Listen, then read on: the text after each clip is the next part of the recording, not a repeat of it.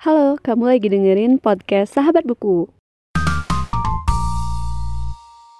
Halo semuanya dan selamat datang kembali di podcast Sahabat Buku. Bagi kamu yang baru pertama kali mendengarkan podcast ini, podcast Sahabat Buku adalah sebuah podcast yang membahas review buku dan pengalamanku saat membaca buku. Di episode kali ini, aku akan membahas sebuah buku berjudul Creepy Case Club, Kasus Jendela Siluman karya Rizal Iwan. Buku ini termasuk masih baru banget karena terbitnya tanggal 30 Maret 2022 dan buku ini memiliki ketebalan sekitar 200 halaman serta serta diperuntukkan untuk adik-adik yang berusia 8 tahun ke atas. Nah, selanjutnya aku akan membahas sinopsis dari buku ini. Buku ini mengisahkan kejadian yang dialami oleh tiga sekawan yaitu Namira, Fedi, dan Jani. Jadi, ceritanya berawal dari adanya renovasi di sekolah bernama Sekolah Baruna Vidya di mana hal ini menyebabkan proses belajar mengajar dilakukan melalui uh, sistem online dari rumah. Nah, Namira, Fedi, dan Jani yang berada di kelas 6A serta teman-teman mereka yang ada di satu sekolah akan belajar dari rumah juga. Salah satu kelas online yang bakal mereka jalanin adalah kelas online dari Ibu Nora. Nah, di sini ada sebuah kejadian aneh di mana seorang siswa yang bernama Lintang yang diketahui sangat pendiam tiba-tiba seakan melawan e, Ibu Nora gitu. Dia terlihat mengikuti kelas online padahal sebenarnya dia itu lagi nggak enak badan dan dia tuh nggak ada ngidupin laptop di rumahnya. Hal itu memicu adanya misteri karena siapa sih penyusup yang mengaku menjadi lintang. Kejadian aneh juga terjadi di kelasnya Pak Sulis. Jadi ada 25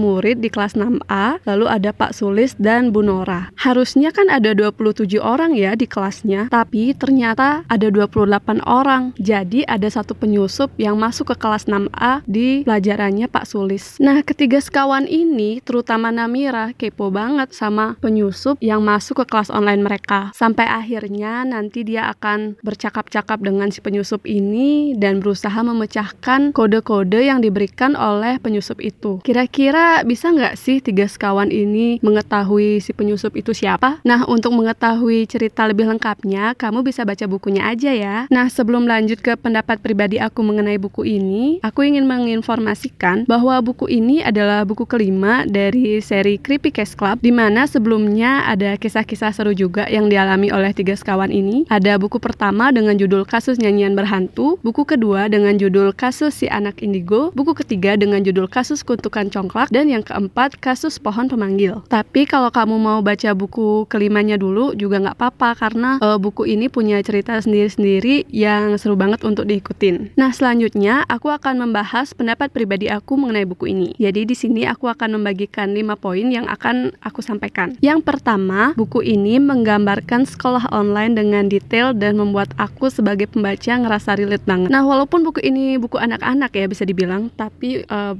bisa juga tuh dibaca oleh remaja ataupun dewasa, apalagi orang tua gitu. Jadi mungkin ngerasain gitu, apalagi uh, sekarang tuh emang kita lagi belajar online atau mungkin udah mulai offline ya, tapi adalah masa-masa di awal pandemi yang rasanya sekolah online tuh gimana ya berat banget gitu untuk siswa dan juga orang tua siswa. Nah, aku sendiri waktu awal-awal pandemi itu kan masih kuliah jadi ngerasain banget gitu kuliah online terus harus depan laptop terus belum lagi uh, ada mungkin dosen ataupun uh, pengajar yang juga nggak terlalu paham gitu caranya pakai zoom. Jadi relate banget gitu rasanya ngelihat guru-guru kayak Bu Nora Pak Sulis jadi kayak deket banget gitu rasanya. Yang kedua menurut aku cover dari buku ini menarik banget. Dan aku sempat lihat juga di Goodreads untuk buku-buku yang sebelumnya. Jadi bisa dibilang uh, apa ya ini tuh cerita detektif dan uh, covernya juga misterius gitu. Tapi di sisi lain uh, karena ini untuk anak-anak jadi uh, covernya menurutku juga menggambarkan gimana anak-anak itu gitu kayak ada tokoh-tokoh kayak Namira dan juga yang lain-lain. Penggambarannya pun bisa dibilang sangat masuk gitu ya sama cerita karena membahas seorang penyusup di ruang Zoom gitu. Nah, selanjutnya selain covernya yang menarik, aku juga suka banget kalau buku khususnya mungkin uh, buku anak-anak ya, itu cocok ada ilustrasinya. Nah, di sini ada sedikit ilustrasi di pojok kanan untuk uh, setiap babnya. Jadi bisa dibilang dibilang garis besar dari setiap babnya itu uh, diilustrasiin gitu. Cuma uh, aku pikir mungkin kalau bisa ditambah gitu ya ilustrasinya pasti bakal menarik banget gitu. Karena kan ini buku untuk anak-anak jadi mungkin ada anak-anak yang lebih suka bukunya apa ya bisa dibilang uh, ada ilustrasi yang lebih gitu.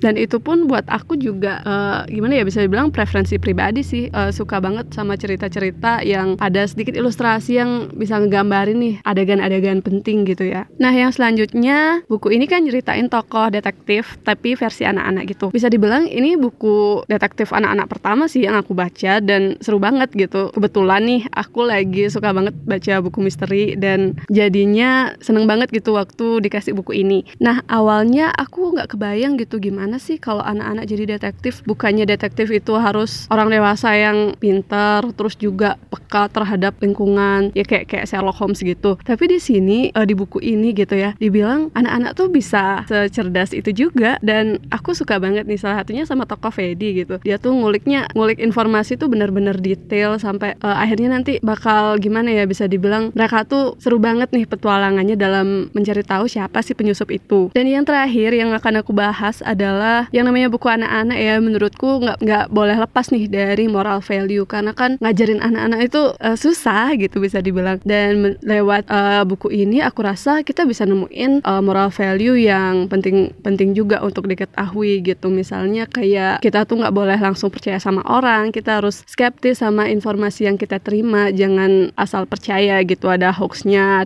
ada juga yang mungkin menipu gitu. Jadi buku ini cocok gitu untuk uh, dijadikan sumber pembelajaran juga. Oke jadi segitu dulu untuk pembahasan buku di episode kali ini. Bagi kamu yang menyukai episode kali ini bisa dong share di Instagram ataupun Twitter. Selain itu kamu juga bisa follow podcast sahabat buku di Instagram at podcast sahabat buku dan Twitter at sahabat buku underscore terima kasih telah mendengarkan dan sampai jumpa di episode selanjutnya.